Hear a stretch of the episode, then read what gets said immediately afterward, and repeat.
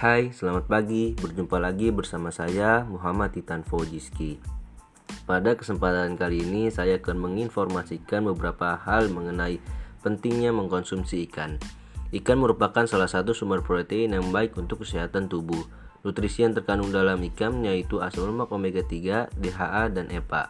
Selain itu, ikan juga memiliki sedikit lemak jenuh, protein yang tinggi, vitamin D, kalsium, yodium, dan berbagai nutrisi penting. Tidak heran manfaat makan ikan sangat baik untuk kesehatan mata dan perkembangan otak.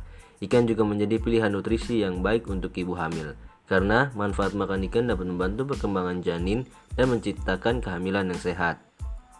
Walaupun saat ini suplemen asam lemak omega 3 sudah banyak dijual bebas, tapi sebaiknya kita memperolehnya langsung dari makanan makan ikan. Serangan jantung dan stroke adalah dua penyebab kematian yang paling umum di dunia. Ikan dianggap sebagai salah satu makanan yang sangat menyehatkan dan dapat menurunkan risiko serangan jantung dan stroke.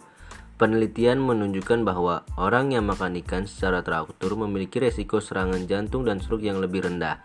Dalam satu penelitian di Amerika Serikat, lebih dari 40.000 pria menunjukkan bahwa mereka yang secara teratur makan satu porsi ikan atau lebih per minggu memiliki resiko 15% lebih rendah terkena penyakit jantung.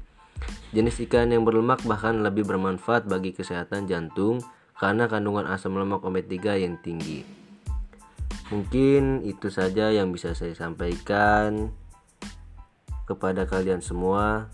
Saya Muhammad Titan Fojiski pamit undur diri, kurang lebihnya mohon maaf. Wabillahi taufiq wal hidayah. Wassalamualaikum warahmatullahi wabarakatuh.